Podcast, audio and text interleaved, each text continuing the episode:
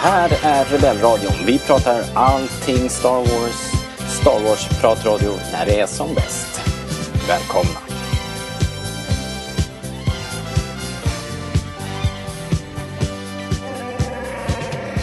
Ja, det är lite speciellt den här gången. Det är 90 gången vi sätter oss ner och spelar in den här podden.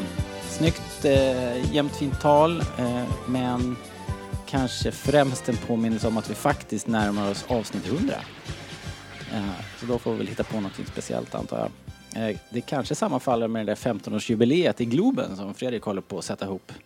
Får väl se hur det klaffar. Eh, du lyssnar på Rebellradion, svensk Star Wars podcast i samarbete med Starwars.se och jag som hälsar nya och gamla lyssnare välkomna heter Robert Lindberg.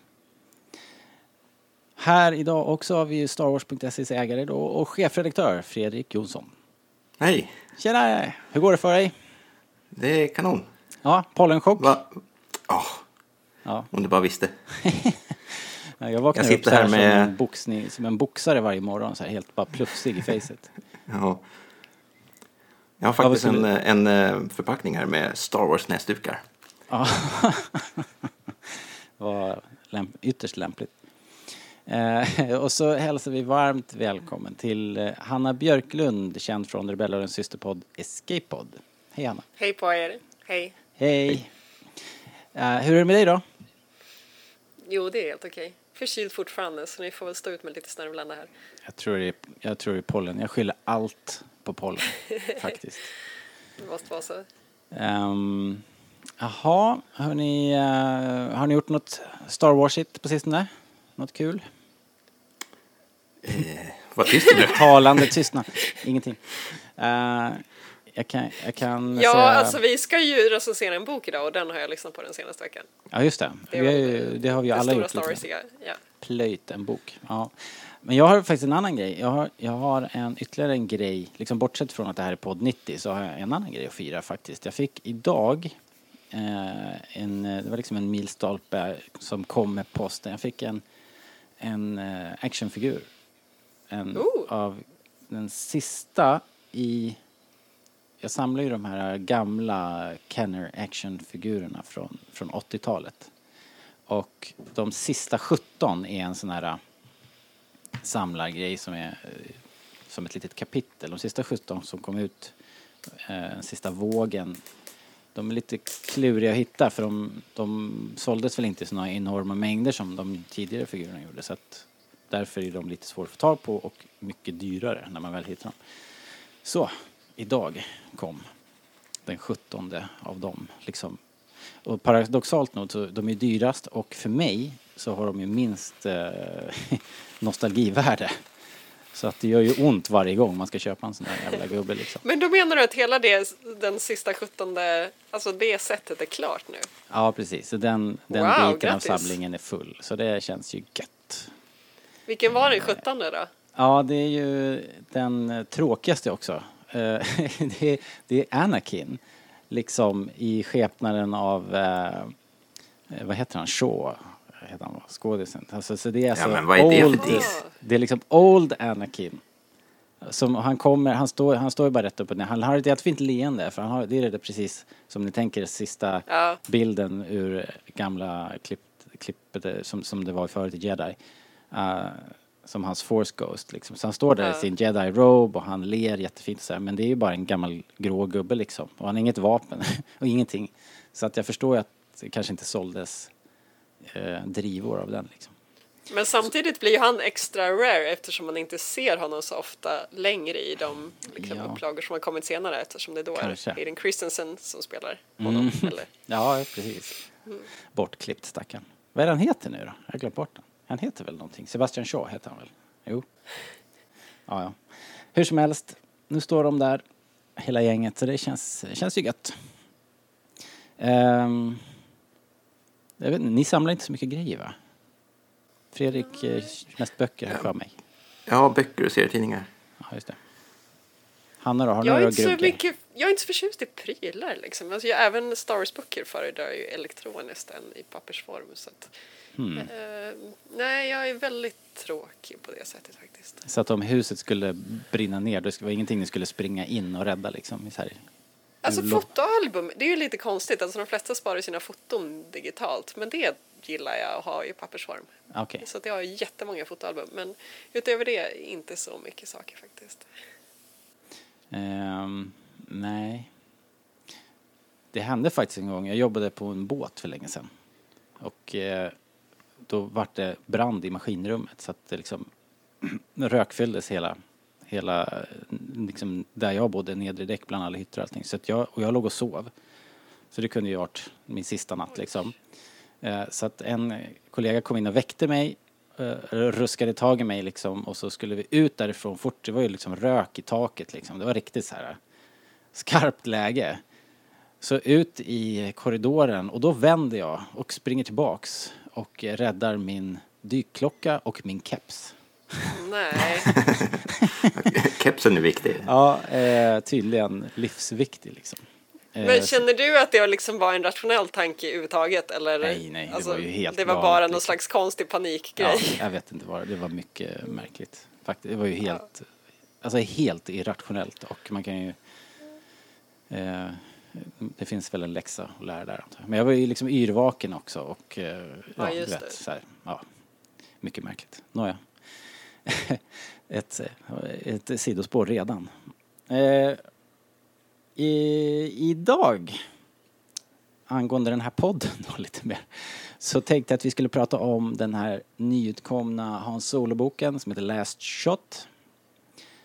Uh, som vi ju har läst. Har ni hunnit läsa klart nu eller?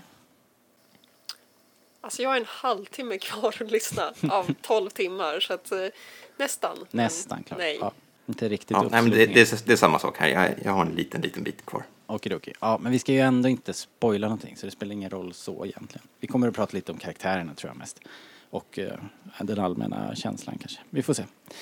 Eh, vi håller det spoilerfritt. Och, och sen så har det ju varit eh, biljettsläpp till Solo så vi kommer såklart prata lite Solo och lite kanske om eh, eh, de här trailarna som surrar runt. Eh, många trevliga klipp att prata om. Och så blir det såklart en omgång av succétävlingen Vem vet what? Okej, nu kör vi. Detta är berättelsen om Stjärnornas krig. Du kan själv följa med i din bok. Oh, read them, have you? Page turners, they were not. Och när du hör R2D2 vänder du blad till nästa sida. Då börjar vi.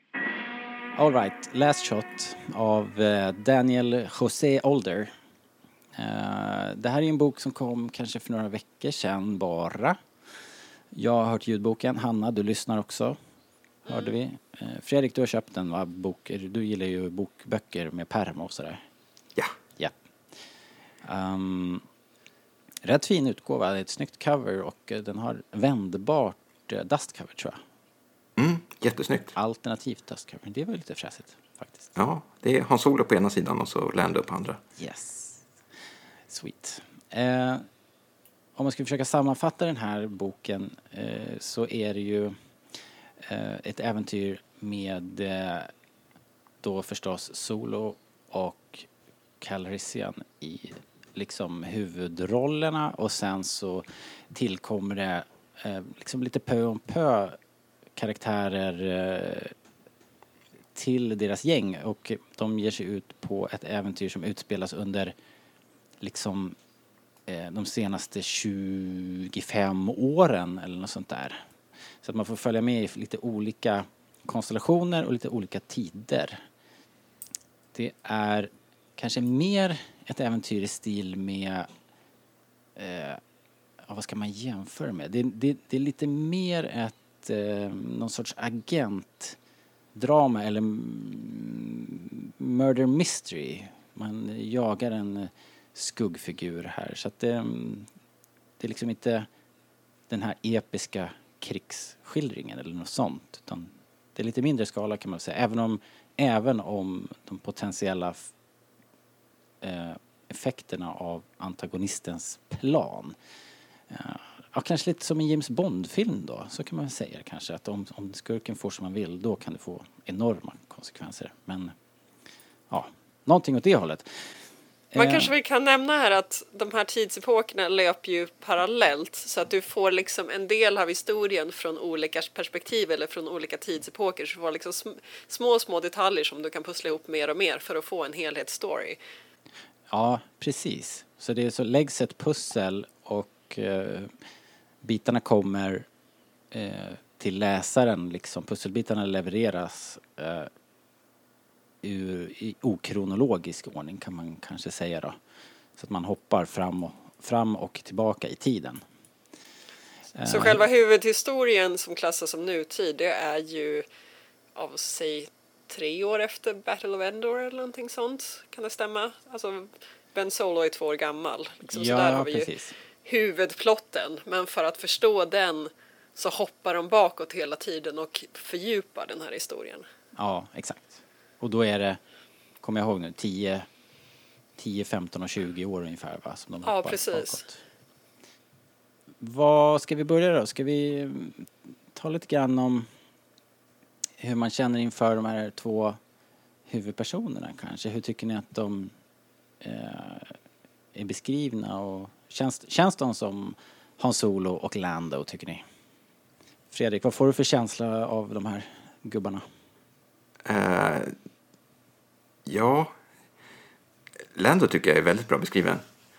Hans Solo däremot har jag lite mer problem med. Jag vet inte hur ni känner. Ja, men vi kan ta dem, eh, ta dem en i taget. Vad gillar du med Lando då? Det här, han är ju en eh, extrem fåfäng person, får man ju säga. Kanske mer än man har anat liksom på något vis. Men är det det du gillar, liksom, att han, den här riktiga superextravagansen? Han är ju, det är mycket kläder och beskrivningar av kläder och, och sådär. Ja, jo. Och så tycker jag man har fångat väldigt bra eh, både eh, Billy D. Williams röst och, eh, vad heter han? Eh, Glover. Donald. Ja. Ja, av det lilla man har sett i trailrarna i alla fall. Ja, det är ju minimalt förstås. Okej. eh, vad tycker du Hanna som har hört mera än läst? Man, man, man får ju en helt annan bild skulle jag vilja påstå när man hör det liksom. Ja, jag är inte så van vid att lyssna på ljudböcker men här hade de ju gjort det ganska smart för de använde olika röstskådespelare för de olika epokerna. Eh, och den som var för nutid var väldigt skicklig tyckte jag på att härma Han Solo. Eh, och det tror jag gjorde att jag upplevde att liksom, han kändes genuin. Sen kanske han inte hade så himla färgstark personlighet och det är kanske det som Fredrik reagerade på. Eh, utan det, det kändes ju liksom som att det var Landos bok mer än att det var Hans bok. På något sätt. Det kändes som att liksom hur Lando tänkte och kände var mer intressant och liksom, ja, men beskrevs mer i detalj. Det som gjorde det förvirrande dock var att tiden för tio år sedan, där egentligen, jag tror inte Lando är med alls, utan det är bara Han, den röstskådespelaren pratar som typ Billy D. Williams. och, det, och det var lite rörigt i huvudet. Så, att, så att jag tyckte liksom nutiden funkade bra, men vissa av de där andra var lite knepiga. Eh, men jag tyckte, jag, på något sätt, jag, jag håller nog med om att det kändes liksom som att det var det var Lando som de la krutet på lite mera i hur han beskrevs. Eh, och jag hade väldigt roligt åt eh, tiden som var för 15 år sedan som var mera då Landos tid. Och som man tar då 10 år då får man se hur det gick för Han och för 15 år sedan så var det Landos tid. Och det var en kvinnlig skådespelare eh, och det första man får höra, liksom första gången man hoppar tillbaka 15 år, det är liksom en utförlig beskrivning på Landos utseende, hur han har valt sina kläder och liksom det här, det, det kändes så otroligt originellt faktiskt för det här är ju någonting som man så här skämtar väldigt mycket om att så manliga, hur manliga författare beskriver kvinnliga karaktärer är ju en sån här internetskämt liksom för det kan vara så otroligt fånigt. Det liksom så här, dina bröst är som svalor som häckar, alltså den, Ja, den, den stilen liksom. Och helt plötsligt får man höra Lando beskrivas i, kanske inte exakt lika fåniga ordalag men, Ja, men lite åt det på. hållet Jo, det liksom. ju Ja. det. Och sen att dessutom höra en kvinna läsa det, det, det gjorde mig väldigt full, full i skratt liksom. Så att han beskrevs ju väldigt fåfängt i vissa delar. Men å andra sidan fick han också ett slags djup där man liksom fick se mera vem han var som person. Mm. Eh, och det var kul. Ja, jag håller med precis faktiskt. Jag tycker att det var, det var bland det roligaste. Lando skäl liksom showen igen, men det är ju för att han är en eh, mycket mer färgsprakande karaktär liksom på alla, alla sätt faktiskt. Eh, mm, jag har mycket lättare att sympatisera med honom än Hans Solo. Och så har det varit i många böcker där jag har hört beskrivningar av Hans Solo. För han, han framstår som... ehm, alltså han är ju en eh, ganska komplex karaktär egentligen. Han, eh, han- men han har den här fasaden och han har en så här inbyggd osäkerhet liksom. Eh, och sen på det så beskri- beskrivs han ofta som lite inkompetent. Eh, faktiskt. Lite tafflig känner jag, eller? Att han liksom, Beskrivs han inte lite så även i filmerna, tänker jag? jo. Eller jag tänker, mycket, till exempel. Force Awakens känns det som att det liksom mycket det här skämtande om att han hamnar alltid i trubbel och så ska han prata sig ur det fast han Ja. egentligen är han inte så bra på det liksom. Nej, precis. Eh, där, där, av någon anledning så stör jag mig inte lika mycket i filmerna men i böckerna blir det på något vis kanske de kanske drar det där liksom ett varv för mycket då. Så kan det ju vara. Men men, ja. Jag tror mitt problem med, med Hans Solo är att hans utveckling på något sätt är liksom klar efter eh, Episod 6. Och det känns som all, alla eh, författare i alla tider haft problem att fortsätta hans story. För om man kollar nutiden i, i den här boken så är han är ju liksom eh, han är uttråkad och liksom han vet inte vad han ska göra. Han har ingen mening med livet. Liksom vara barnvakt och, och sådär. Alltså där satte du ju fingret på någonting. Och det är ordet barnvakt för att jag hade väldigt svårt att hantera eh, hans beteende som familjefar. Och det är ju någonting, det är kanske det som just går igenom att liksom han är inte riktigt gjord för att leda arméer, han är inte riktigt gjord för att vara make eller far. Och, liksom, och, och han blir liksom inte särskilt intressant här men här blir han på något sätt för mig lite intressant för att han är så himla hemsk som person. alltså jag har ju varit inne lite grann på att så här, varför blev Ben Solo Kylo Ren? Jag tror att du och jag Robert har pratat om det i något Escape-podd-avsnitt att jag tror att det har mycket att göra med liksom, att han har varit, blivit besviken i väldigt många omgångar i sitt liv. Eh, och i den här boken så är Ben Solo två år gammal och Han Solo är redan en totalt värdelös far. ja, Eh, för att han har på något sätt redan gett upp och det är otroligt provocerande. Liksom, att han, han tror liksom att han känner att han är lite dålig som far och då blir han osäker på sin roll som pappa eh, och tycker liksom att Leia hon är så himla smart och vet exakt hur man ska göra medan själv kommer jag hem med leksaker som innebär kvävri- kvävningsrisk liksom, till ett bebis. Och då känner jag lite så här om du inte fattar att man som förälder måste typ träna och lära sig hur man beter sig som en förälder, då är du bara lat. Alltså så här, kvinnor är inte per automatik fantastiska föräldrar utan det är ju också bara en träningsfråga och liksom Alltså det spelar, hans beteende i den här boken spelar liksom vidare på en myt om att pappor är liksom automatiskt lite kassa. Och det är Ja, och det- jättehemskt liksom.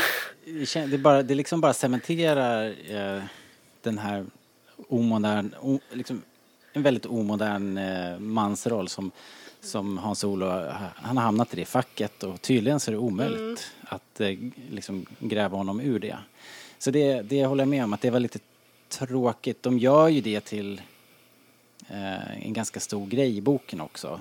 Och det är väl så, Ja, på, på sätt och vis kan man väl se det som någon sorts eh, eh, arc här. För att eh, ni, ni, ni får väl läsa klart boken eh, kanske för att det, det kommer väl någon liten blurb till om det på slutet där så kanske. Eh, men eh, jag tycker ändå man känner igen karaktärerna och man, man liksom kan eh, man kan eh, hitta massor av intressanta, intressanta nuggets och mycket saker som eh, uppenbarligen, som det alltid är med de här böckerna, som är planterade för att man ska sen kunna gå tillbaks när man har sett eh, solofilmen och eh, hitta länkar och godbitar och referenser och sånt där. Så det känns som att det är en väldigt matig bok eh, både i deras beskrivningar, karaktärernas beskrivningar och eh, så är det rätt mycket karaktärer med som, som knyter an till både serier och um, ska vi se, vad har vi mer? Vad har vi för ena egentligen? Ja, vi har ju såklart eh, Landos, Eh, den här droiden som vi har sett i diverse trailer nu då som heter eh, L337. Uh, eh, har ju en stor roll i den här boken. Och sen har vi en liten cameo av en viss Sanna Starros som ju det gjordes ett stort nummer av i serierna förut att hon hade haft ihop det med, med Solo och eh, hade hans efternamn till och med vid något tillfälle för de hade ingått något sorts skenäktenskap. Eh, så de knyter ihop lite grann sådär, det var rätt kul tycker jag. Mm, jag håller med. Det är ju en annan grej som sticker ut lite grann. Det var, jag vet inte om det är Hanna eller du Fredrik som har skrivit det här att eh, det är ganska gott om välkända raser i boken. Mm, Medans- det var med- jag som nämnde det. Ja. Ja, medan de ju har försvunnit i princip helt ur de nya filmerna. Jag Det- tänker att det är någonting jag generellt ser kanske i böcker överhuvudtaget att det är ju ganska knepigt när de introducerar nya raser eller nya arter i böcker för att har liksom, det är väldigt svårt att visualisera vad det är de menar. Liksom, Ja. Ibland gör de en grej av att så här, nu är det här något nytt som de inte känner igen. Eh, men ofta så är det väldigt praktiskt och bara här har vi lite Trandoshans och så var det en liten Twi'lek och lite Rhodians och Gungans eller vad som helst. Ja. Eh, Så, så att det är praktiskt. Eh, Men det är också lite konstigt att skapa två ganska olika universum. Alltså antingen det visuella i filmerna eller det i bokform där du liksom måste använda din egen fantasi. Och då använder de helt andra verktyg liksom. Ja, när man ändå jobbar så hårt för att knyta ihop universumen så, så, eh, så skiljer det sig eh, väldigt mycket i det här. Ja. Eh, det blir lite konstigt. Men sen samtidigt som de gör det, som de kastar in Ewoks och Gungans och Twilix och, och sådär så är det ju, har, märker man hur de verkligen anstränger sig från tårna liksom för att eh, ge de här raserna, att liksom bryta eh, gjutformarna där. Att de, de, förut var ju alltid eh, ja, Twi'leks var ju alltid, jobbade ju som dansare på någon bar liksom. Det var typ det enda de gjorde, eller var i serviceyrken var liksom deras grej. Uh, och här, här är det inte så. Det är en, eh, vi får se en helt annan liksom, take på det och eh, det gäller också Ewok och eh, Gangans på ett väldigt roligt sätt. Så på så Ja, vis. det var verkligen uppfriskande kände jag. Vi kanske ska nämna ja, till exempel då, i- i- det- en Ewok som är en slicer. Det har jag ju aldrig sett innan till exempel. Nej, och det blir ju nästan...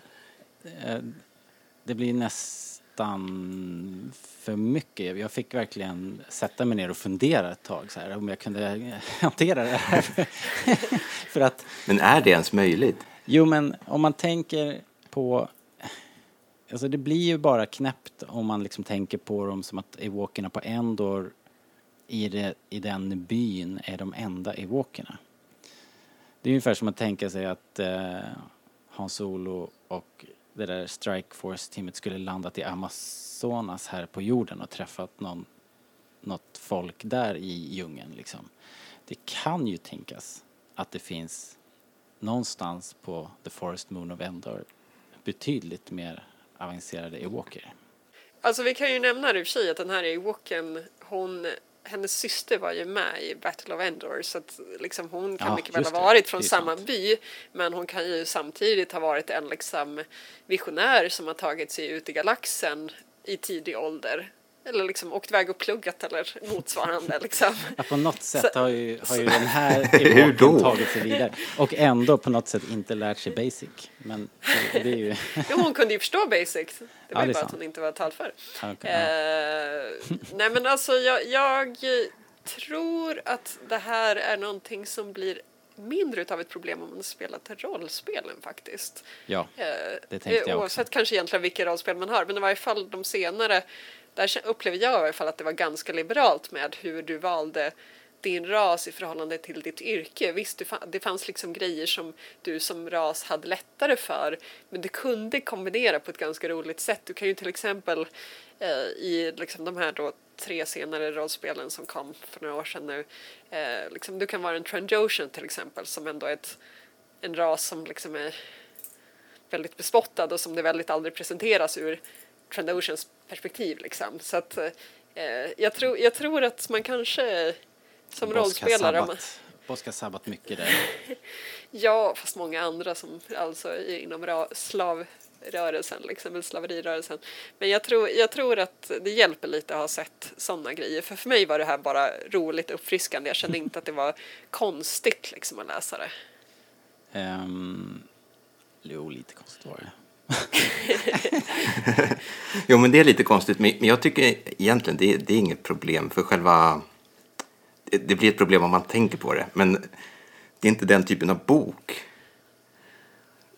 Det här är ju liksom mer en... eh, Eller var det bara jag som upplevde att den här var väldigt humoristisk? Jag håller med. Snabb i tempot. Och, Jo, det är den. Eh, jag kände bara att... Den är lite knasig rakt igenom på något sätt. Ja, Ja. precis. Jo, den tar några...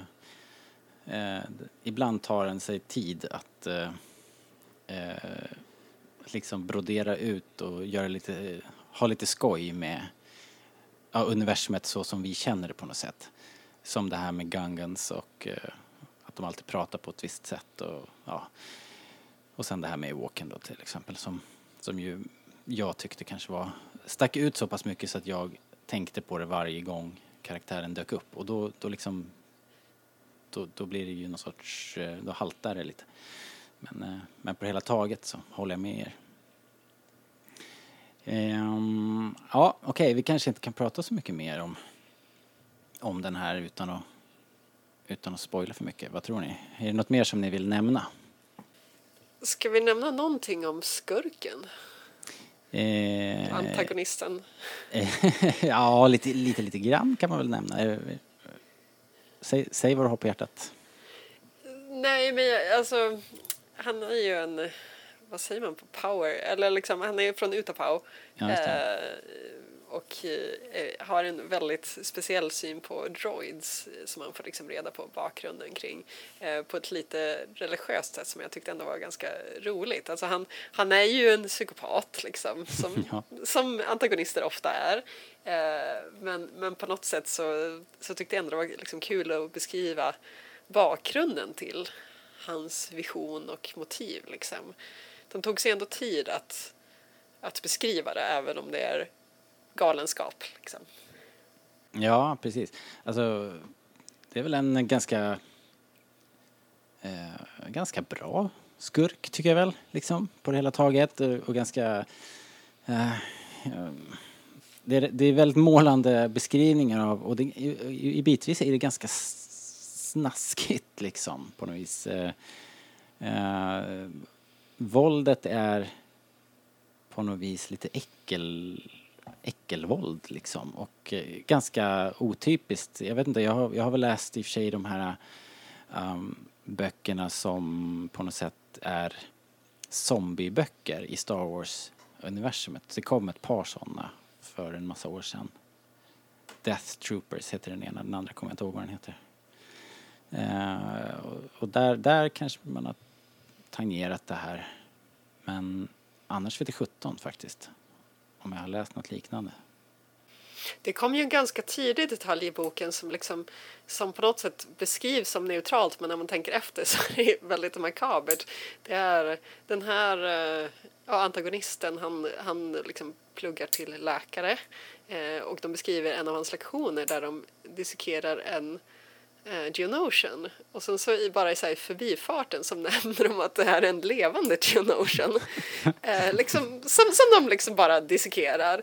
Eh, och, och det var liksom där, när jag hörde det först, jag bara, vänta, vänta, vad sa du liksom? Det har jag Och missat sen, faktiskt. och, och sen så, liksom, för jag tycker också att det var väldigt fascinerande för att det liksom ger någon slags, eh, vad säger jag, det ger en annan syn på antingen Utapau eller hur Geonosians betraktas i galaxen. Liksom. Så det, bara det var liksom spännande men också så tyckte jag att det var i, i linje med hur han, liksom, hans syn på andra individer i allmänhet. Liksom. Det kan ju vara så att Utapaus är, är liksom lite mindre empatiskt. Jag vet faktiskt inte. Det är ju men, eh, helt orimligt när man, när man hör liksom hur...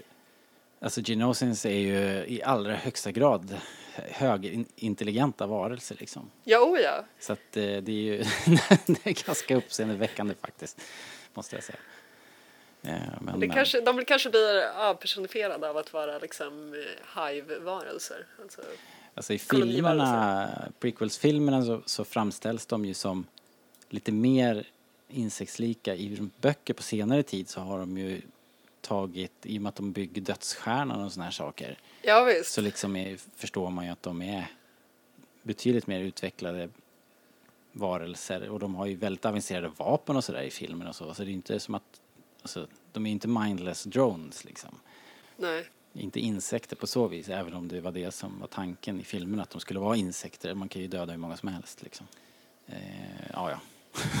jag missade Ja, det, var, just den här meningen. det, var, det var en liten detalj men jag tyckte att den var väldigt rolig och den gick sen i linje med liksom hans ja, historia och syn på världen i sig. Liksom. Så trots att det här då var ett liksom, neutral läkarprogram på en planet så, så, så var det ändå någonting som verkligen stack ut och var lite fränt. Liksom. Det var inte så här Dr. Frankenstein-kursen liksom, så här extra. Man läste lite extra vid sidan av. Ja, det kanske var något sånt, man vet Verkligen. aldrig. S- Scary. All right. Men hörni, ehm, eh, nu har ni ju som sagt inte läst den helt klart, men, eh, men det låter ändå som ni gillar det. Kan ni rekommendera den här boken? Ska man springa och köpa den om man är, om man är en sån som läser Star Wars-böcker? Jag rekommenderar den varmt. Jag tyckte att den var jättebra. Ja. Uh, ja, jo, men jag tyckte också att den var rätt underhållande. Jag tror att jag hade kanske uppskattat den lite mer om jag hade faktiskt läst den i bokform. För nu, ja som sagt, jag är inte så jättebra på att lyssna för att jag gör ofta saker samtidigt och rätt vad det är så missar jag lite grann. Uh, så, och jag tror att det här var en bok som man kanske inte bör missa så mycket i. Det blir lite för grötigt när de hoppar och i tiden och sånt där. Uh, men jo, jag tyckte att den var, den var liksom, det var bra fart och den var underhållande, så visst. Absolut. Alltså, för jag upplever att ibland kan Star Wars-böcker fastna lite för mycket i detaljer. Och det slapp man här. Ja, jag upplevde i och för sig att den upprepar sig själv lite grann. Särskilt i uh, stridsmomenten eller när de fightas och så här. Men uh, på det hela taget så, så är, rör det på sig ganska bra och eh, det är mycket roliga detaljer att plocka upp och så här. Och så är den ganska rolig på det hela taget liksom. Så ja, men då rekommenderar vi den här. Låter bra. Okej, eh, vi byter ämne då lite grann. Long ago, in a galaxy far, far away, the Star Wars saga began, and Kenner continues the excitement. Chewbacca's Marv! It's C-3PO that you can take apart, and other action figures each sold separately. Take me to Han Solo and Princess Leia. What happened? Han, Leia, sneak attack. I'm all in pieces. What a mess. Put him down, Chewie. How's that, C-3PO? Wonderful. Han Solo C-3PO with backpack and other action figures each sold separately from Kenner Star Wars Return of the Jedi Collection. Bara lite grann, alltså det är, har, har ju varit, eh, det är lite slow. Vi, vi, det har inte kommit några riktigt stora nyheter. Det var ju eh, den 4 maj häromdagen när vi spelade in bara och eh, internet hade ju surrat eh, och hoppades på väldigt mycket eh, rykten som, eller hoppades på väldigt mycket att det skulle komma information om kanske den här nya tv-serien som jag inte tror att vi har nämnt i podden. Inser jag nu. Ja, ja, i alla fall. Eh, och eh, en eventuell celebration, om du skulle få några plats och datum för det. Och och så skulle vi ju få biljetter till Hans Solo då. Eh, men som vanligt kan man väl säga, när det gäller sådana här uppskruvade dagar så, så blev det inte riktigt så. Vi fick biljetterna. Eh, så att de är ju in the bag faktiskt. Eh, jag köpte ju till dig Fredrik, så jag vet att du ska gå. Hanna, har du, har du fixat biljetter? Ja, absolut. Jag och Hanna går också på premiärdagen. Härligt. Härligt, härligt. Ehm, Alltså, får jag bara säga en sak här med eh, den här fokusen på 4 maj. Att det känns ju lite girigt att kräva en massa när man dessutom vet att man snart får en film och man precis har fått utannonserat att det kommer en helt ny animerad serie. Alltså jag, jag antar att hade, hade den informationen om att det kommer en ny animerad serie, hade de väntat med den till 4 maj, då hade liksom folk känt att åh vilken bra eh, liksom May the fourth liksom Ja. det var. Men på något sätt så hade man fått det en, två veckor innan och nu är det någon slags besvikelse här som jag inte riktigt hänger med på för vi får ganska mycket Star Wars hela tiden.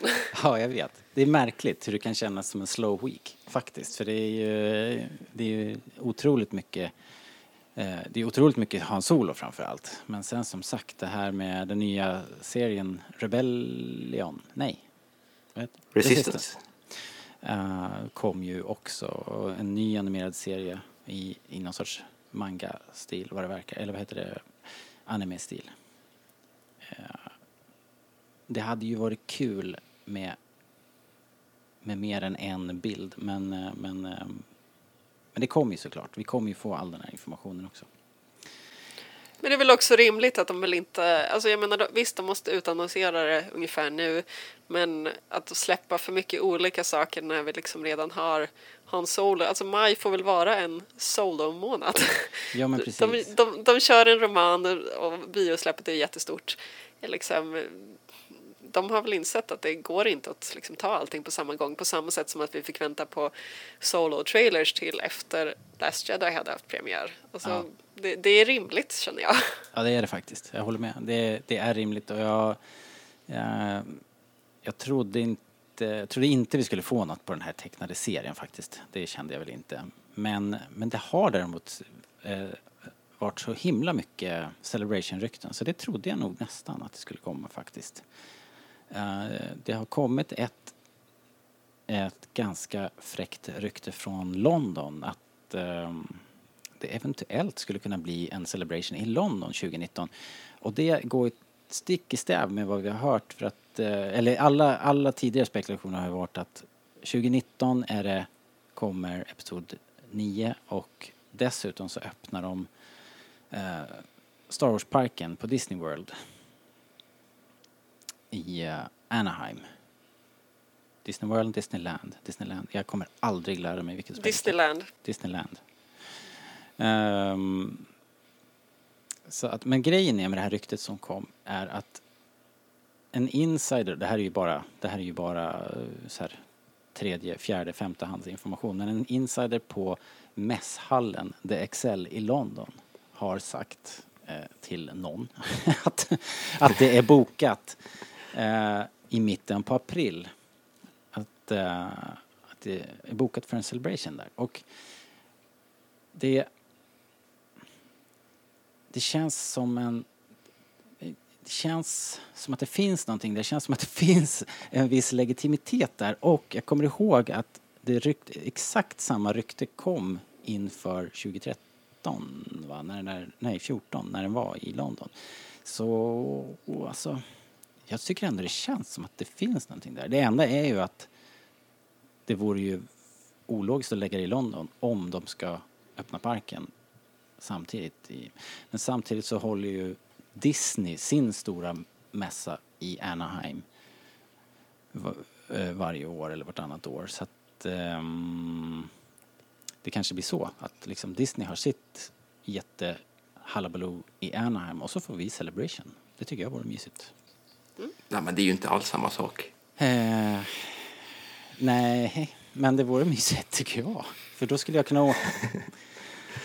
Eh, Ja, det är väl kul för dig. Jag har ju tagit någon sorts... Jag försökte lova mig själv att flyga lite mindre. Så att jag, jag, tänker inte åka till USA. Men, ehm, men inte ens för en celebration. Så därför hoppas jag att det kommer till Europa. Men eh, det är bara rykten. Så att vi får väl se helt enkelt. Men får jag backa bandet lite Yes. grann till, till fjär, fjärde maj? Ja. Liksom, tyckte ni verkligen att det var okej? Han tyckte ju uppenbarligen att det var rimligt. Och jag tycker också att det var ganska...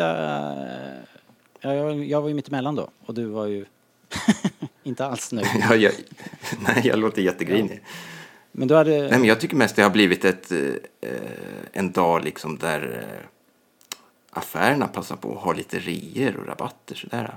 Ja, det är ju det. Jag känner nog mer att det är en social grej. Alltså jag tycker att det är kul att liksom, ja, men jag hade en gammal vän som hörde av sig. Åh, jag hörde att det var Star Wars-dagen idag. liksom, grattis! alltså lite den grejen, att det börjar liksom bli någon slags eh, medvetenhet om det här även bland icke-fans, skulle jag säga, eller icke riktigt inbitna fans. Och att liksom folk klär upp sig lite och liksom den grejen, att man samlas lite kring det. Jag Man ser ju mycket Star Wars t-shirts på, på stan, gör man ju. Ja, verkligen. Nej men det, så är det väl. Att det är ju, om, om det är någon dag som man ser Star Wars på Aktuellt så är det ju eh, den 4 maj liksom. Men för oss som sitter och så här, bläddrar mellan tre Star Wars-sajter eh, och letar uppdateringar varje dag i veckan så är det klart att den 4 maj inte är så speciell. Det kanske är därför, eller? Vad, vad, kan, det ligga, kan det ligga någonting i det? Ja, säkert. Ehm, men sen är det ju massa, ja men det är massa, som du säger, i övrigt är det kanske mest eh, 10% på legobutiken liksom. Eh, vilket ju inte är dåligt liksom. Det är väl bra. Men jag tyckte det var konstigt när man ändå utannonserade den där Resistance. Varför man inte tog den på 4 maj. Jag tror att det skulle varit lite för nära solo kanske. Men men jag håller med, det hade varit rimligare, eller liksom förväntat att de hade tagit det då. Eh, Men jag skulle gissa på att de, de kör lite mera fullt ut på Han Solo och Lando som karaktärer nu och det är lite farligt att komma för nära biosläppet. Ja, det känns, känns som en eh, rimlig tanke. Men utannonseringen var inte jättelångt innan. Nej, jag, jag, det hade ju varit mer begripligt om det här hade varit för två månader sedan eller någonting. Nu var det ju väldigt nära ändå. Så, eh, ja, nej, jag kan inte riktigt förklara det. Det blir ju en konstig, eller det blir, en, det blir ju ett klurigt pussel att lägga för marknadsavdelningen. Liksom. När, ska man, när ska man klämma in det? Är det bättre att ta det lite i någon sorts eh, tre veckors före limbo och hoppas att eh, de som verkligen är intresserade snappar upp det och tycker det är jättekul och sen så sparar man det tills Solo är klappat och klart och har seglat vidare liksom. Då kan man in, introducera det här på riktigt. Men på det hela taget skulle de ju bara kunna hållit klaffen och inte sagt någonting liksom. Alltså varför, varför ens säga något kan man ju tänka. Jag vet inte. Uh, och bara fokuserat på Solo. Men Uh... Ja, men det känns som hela deras marknadsföringskampanj just nu går ut på att de inte har något så här jättestort och maffigt utan de småputsar ut lite det de har. Sådär. Mm. Vi har ju haft sådana här perioder förut. Eh, och det är väl det som gör att, att man trots allt sitter här och säger att det har varit en slow week. Därför att det, det är riktigt stora grejer på horisonten. Men man når, dem, man når dem inte riktigt. Man kan inte riktigt pilla på dem liksom. För de är för lite för långt bort. Eh, så att, eh, ja, jag vet inte. Sen börjar man känna sig riktigt pepp för solo måste jag säga. Eh, jag längtar verkligen nu. De sista två veckorna. Det ska bli, eh, ska bli superkul att se den. Riktigt taggad. Jag vet inte, såg ni den här... Eh, eh det kommer väldigt mycket TV-spots men och sen så har det kommit några eh, lite mera eh, såna här, vad heter det, featurettes. Det kom en som heter Becoming Han Solo. The Star Wars universe that we see in Solo was different from anything else that we've seen in any previous Star Wars movies. The Empire controls everything. Everyone is struggling to survive, but we discover this incredibly free spirit. We're meeting Han right before he becomes the Han that we know.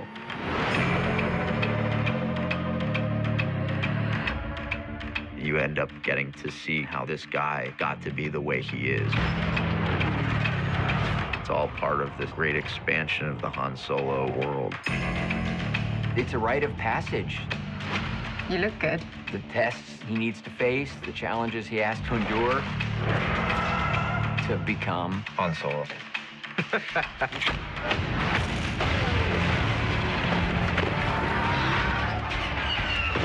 those first encounters with Chewbacca. You're gonna need a nickname, because I ain't saying that every time. With the Millennium Falcon.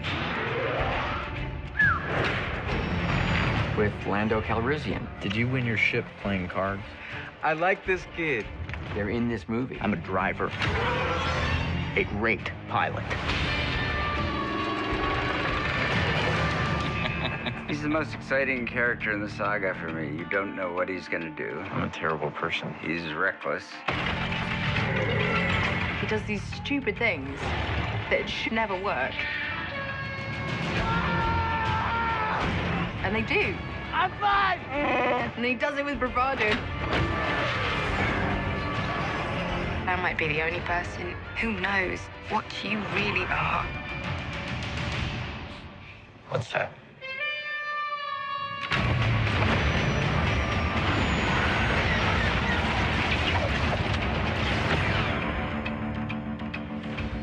Så, såg ni den? Jag, jag började titta, men sen så blev jag så himla spoilerrädd så att jag stängde av. Okej, Ja, men jag har sett den. Ja. Eh, vi kommer prata om den nu här lite grann då, Hanna, tycker jag ändå. Eh, och det är ingenting spoiligt i sig, Fredrik, utan det var väl mera det visuella kan jag tänka mig, som du reagerade på där då. Ja, ja. Eh, vad jag ville säga om den var väl egentligen att den, den kändes som en vändpunkt på något sätt. Eh, jag har hört åtminstone två personer som har varit mest knorrat över den här eh, Hans Solo-filmen. Eh, men sen såg den här och då helt plötsligt så är de med på båten liksom.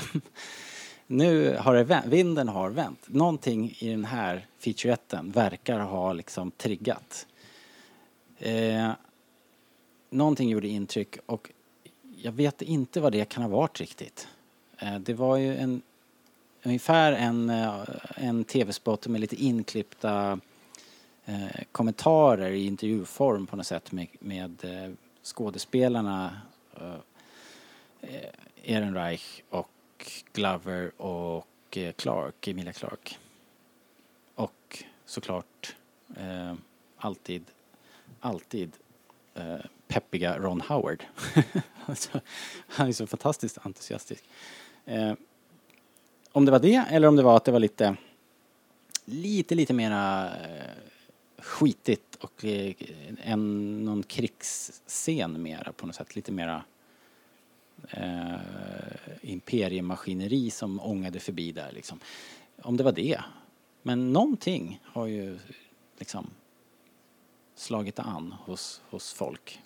Jag vet inte, upplever ni det också eller? Vi, hade ju, vi har ju Daniel som gör den här podden ofta. Han, han har ju varit lite nervös inför den här och inte riktigt vågat eh, tagga till. Men när han eh, tweetade eller messade efter att ha sett den här så då var han ju verkligen taggad. Och det var jättekul att höra. Ja, ja precis. Alltså det, man blir ju så påverkad också av hur andra är och hör man knorrande så ifrågasätter man sin egen glädje och hör man andras pepp så smittar det av sig. Så det, var, det var kul att se att, det, att just den här gav de känslorna. Mm. Jag förstår kanske inte riktigt vad det var som gjorde, eller som gjorde att den här kändes annorlunda mot de andra grejerna. Men Nej, lite oklart. fu- funkar det för folk så är jag bara glad liksom. Jo. Man behöver inte älska allting men det är roligt att tycka om saker tillsammans liksom. Så, eh, så, kan man få det så är det ju bara härligt. Ja, precis.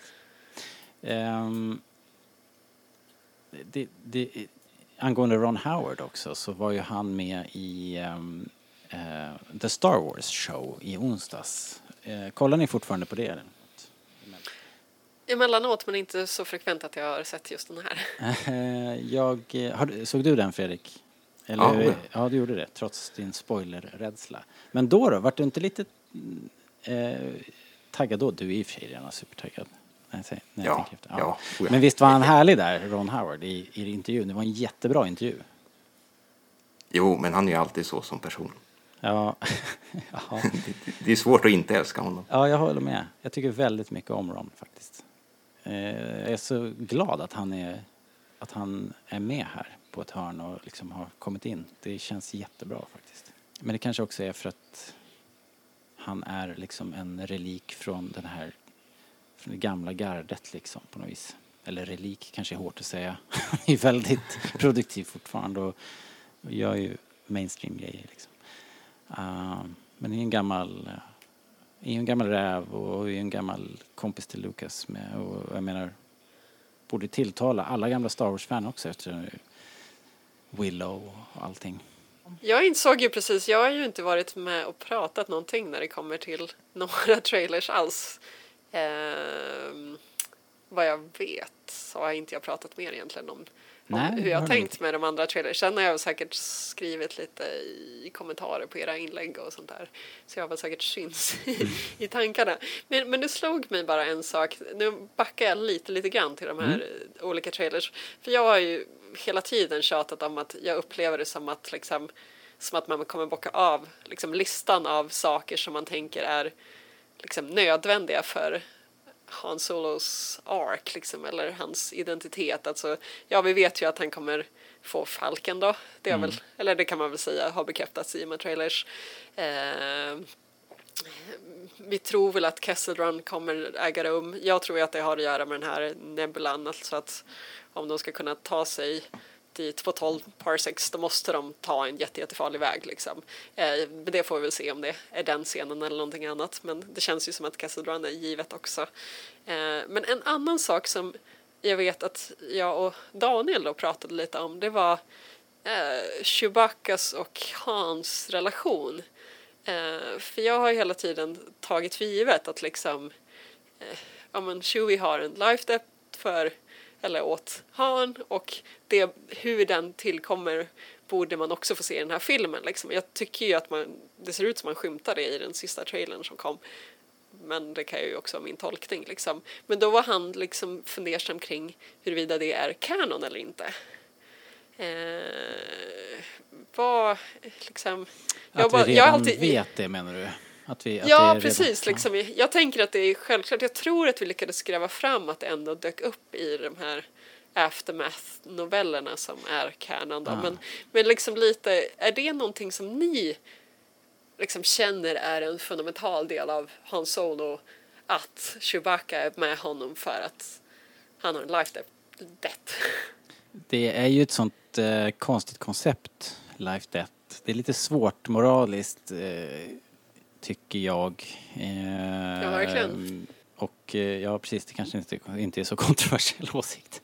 Men, men det är ju väldigt liksom nedärvt i fanmedvetandet så att det kanske blir svårt att... Eh, fast de har ju inte, de har inte direkt skyggat från att bryta sig loss från, från eh, gamla, gamla förväntade liksom sådana Ja. stories.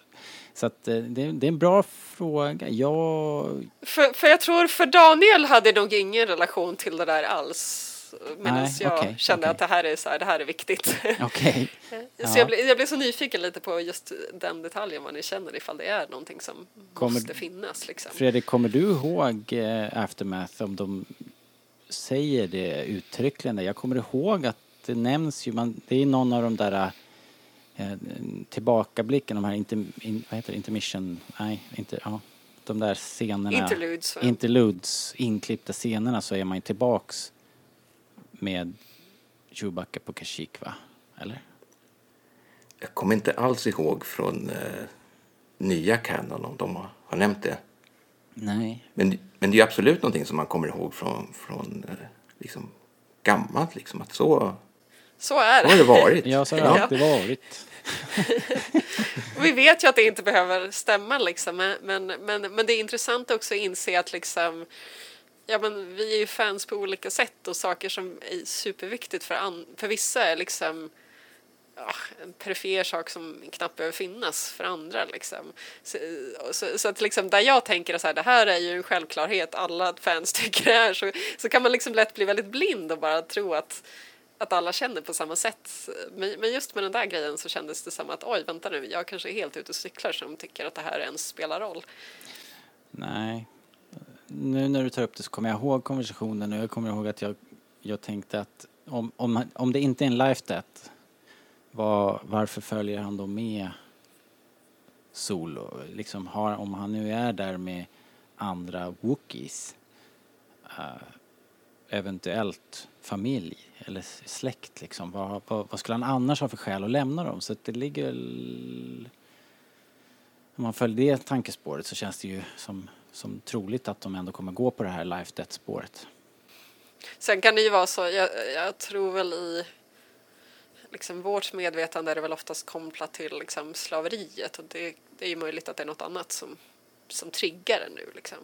Ja, precis. Ja, det är ju, de är ju uppenbarligen ute på äventyr. Det finns ju gott om... ser ut att finnas gott om möjligheter att rädda varandras eh, Ja, det ser, och det är det jag tänkte just att man ser i trailern att det ser ut som att, man, att han just räddar Chewie vid något tillfälle. är i trubbel där. Ja, precis. Ja. ja, vi får se. kom någon sån där meme där bara If they kill Chewie we riot. eh, det någon som inte hade tänkt igenom tidslinjen riktigt. All right hörni. Eh, Superpepp inför solo. Det är mindre än två veckor nu kvar. Ehm, jag tänkte vi skulle avrunda med eh, en omgång Vem vet what? Säger ni om det? Farligt men spännande. jag är jättenervös. Ja, du är ju regerande mästare. Så att eh, Ja, jag förstår. Det jag måste ju leva upp till det. allting, eh, Ja, precis. Det är ju uppskruvat till max liksom förväntningarna på dig nu. eh, Okej, men då kör vi. Mm. Vem vet vad? Hej, hej! Välkomna till Vem vet... What? Me. Det här går ju till så då att jag presenterar tre Star Wars-påståenden eller fakta och eh, det är ditt och lyssnarnas jobb att bena ut vilket påstående som är falskt.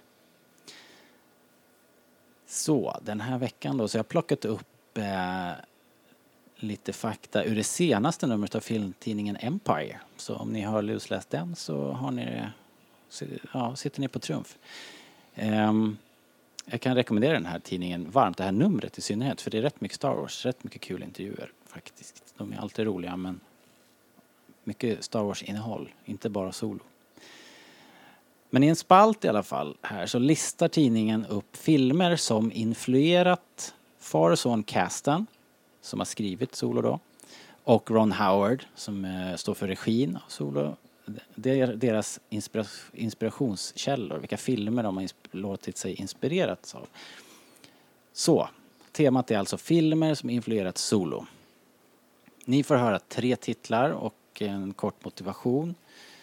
Och en av dem är som sagt en luring. Vilken är falsk? Så här låter alternativen. Film nummer ett. Das Båt, ubåten från 1981. Citat. Wolfgang Petersens uh, ubåtsdrama är en av de bästa draman som filmats, säger Lawrence Kasdan. Citat. Vi ville verkligen fånga den där klaustrofobiska och tristessen och det skitiga. Det är den ultimata representationen av ett used universe på film, säger medförfattare eh, och Lawrence son Jon Kasdan. Film nummer två, Raiders of the Lost Ark. Jakten på den försvunna skatten från 1981. Det verkar vara mer än lite Indiana Jones över den här Han Solo. Det här är inte en krigsfilm, säger Ron Howard. Det här är inte en episk film om gott och ont. Det handlar om en ung killes äventyr. Jag tänkte att Raiders passar perfekt med tanke på Harrisons Fords koppling till båda filmerna. Och sen, tredje filmen är Rush från 2013. Howard hämtade inspiration från sin egen James Hunt biopic till sin nya fartdåre. Det var en av de första paralleller jag såg, den där våghalsiga andan men med en underliggande humanism som liksom är gömd under masken. Mm. Okej, så vi har då Das Boot, Raiders of the Lost Ark och Rush. Fredrik, vilken av de här är falsk? Uh, nu ska vi se. Jag tror, eller tycker att beskrivningen av Das Båt och att det är liksom tristess, det låter ju väldigt tråkigt och inspireras av. Um, Ron Howard tycker jag ju passar ganska bra in på jakten på den försvunna skatten. Det är liksom lite hans typ av äventyrsfilm. Rush har jag inte sett. Men man har väl sett lite klipp sådär när, eh, från Solo när han kör lite snabbt och våghalsigt sådär. Eh, men om jag nu måste välja någonting så känner jag väl kanske att jakten på den försvunna skatten ligger lite för nära vad Lucasfilm redan har gjort. Så jag tror att den är falsk. Det är noterat. Jag skriver det här. Fredrik. Eh, Okej, Hanna, vad säger du då? Eh, vänta nu, vad sa Fredrik nu i slutändan? Han klämde till med Raiders of the Lost Ark.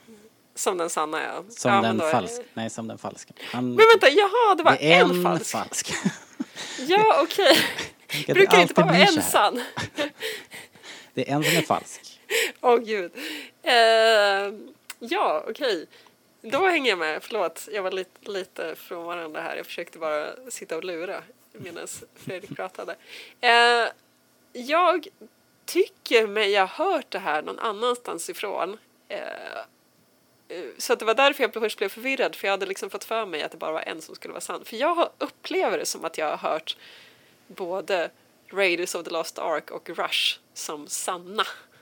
Eh, men å andra sidan så läser jag ju lite om filmer här och där och det kan mycket väl vara så att Tarantino någon gång har sagt så här, åh jag har blivit inspirerad av Rage of the Lost Ark och sen så tror jag att det här, då har det liksom lagrat sig i hjärnbalken och så kopplar jag ihop fel nu här. Men jag tycker att din beskrivning av, eller nej inte din beskrivning, beskrivningen av eh, hur du pratade om Das Boot med ord som klaustrofobiskt och skitigt. Det känns som någonting ni har nämnt i podden. Eh, så antingen är det så att ni tänker på samma sätt som då eh, casten. Eh, eller så är det här någonting som du har fabricerat med ord som påminner om något du har sagt tidigare eller någonting som jag tror Rasmus har sagt tidigt, tidigare om klaustrofobi. Eh, så jag tror jag tror att det är despot som är den falska och de andra två som, som, eh, som stämmer. Det är noterat. Skriver här. Eh. ja, okej då. Men då är ni ju överens om att Rush är sant i alla fall. Eh, och eh, Rush från 2013. Alltså det här är lite farligt när du säger så här eh, överens om för nu vet vi att snart kommer du bara säga fel, fel, fel och så får du skämmas. Det är så det går till. Ja, att, eh, att Howard då skulle ha inspirerats av sin egen film från 2013 eh, om den här våghalsiga föraren James Hunt. Ehm, det är alltså sant. Det är sant. Ja. Jaha, oj. eh, ja, och då, då kan vi fortsätta nerifrån. Eh, Raiders of the Lost Ark. Eh, att det är lite mer Indiana Jones över den här Solo. Eh, Det är ingen krigsfilm säger Ron Howard eh, och det är inte typ gott och ont utan det är mer en äventyrsfilm. Fredrik eh, säger Ja. att den här är den som är falsk. Det här är sant. Ja! Grattis Hanna! Das Båt, det är klart det är en luring. Det är väl ingen, Ja, som, det är väl ingen som inspireras av tristessen i, i en tysk ubåt liksom. Det är en Fast jättebra det film. känns ju som en sån här som folk gärna vill dra till liksom så här, jag har tittat, jag har gått filmvetenskap, jag vet att det här är en bra film fast egentligen är den ganska tråkig och håller på i fyra timmar. så det känns som en sån här film man ska gilla men, eh, men eh, jag Den dyker ju alltid upp på såna här topplistor överallt liksom. Så den är ju, den ligger ju, den ligger top of mind liksom. Ja, ja. Det vart Det ingen här var nog första gången men- jag gissade rätt tror jag, inte bara när jag varit med utan även annars. Fast det Ja. borde jag inte säga, jag borde i och för sig säga att jag alltid gissar Ja, rätt när jag precis. sitter och lyssnar på er. Men, eh, men nej. Ja, men bra, bra kämpat hörni. vad, vad kul att ni är med och leker lite grann. Eh, eh, det var allt vi hade för den här gången hörni. Det var väl lagom kanske. Nästa gång vi sänder, eller spelar in snarare, Eh, så då är det ta mig tusan, eh, då är det nog eh, solopremiär. Faktiskt. Eh, tror jag. Jag tror att vi, vi avvaktar till vi har sett den och sen så spelar vi in en någon form av reaktion på den såklart. Så att eh, det är bara att härda ut två veckor så får vi en ny Star Wars-film. Otroligt men sant. Ni som använder iTunes, passa på att gå in där, ge oss femstjärniga eh, reviews där. Det är jättebra så kommer vi upp lite grann i listorna. Eh, gör det nu, inte sen. Okej, okay? man kan göra det direkt från appen. Eh, alla gamla poddar hittar du också på rebellradion.se. Och glöm inte att skriva till oss på rebellradion.starwars.se eller på facebook.com eh, slash rebellradion. Det brukar vara lite tjabb där. Skriv vad du gillar så, eh, så kan vi eh, diskutera det med dig. Det är alltid kul. Vi finns också på överallt på Pinterest och Twitter och Instagram och eh, kika in där också då. Men då så hörni. Hanna och Fredrik, tack så mycket för den här gången. Ha det bra, hej då! Hej då! Hej då!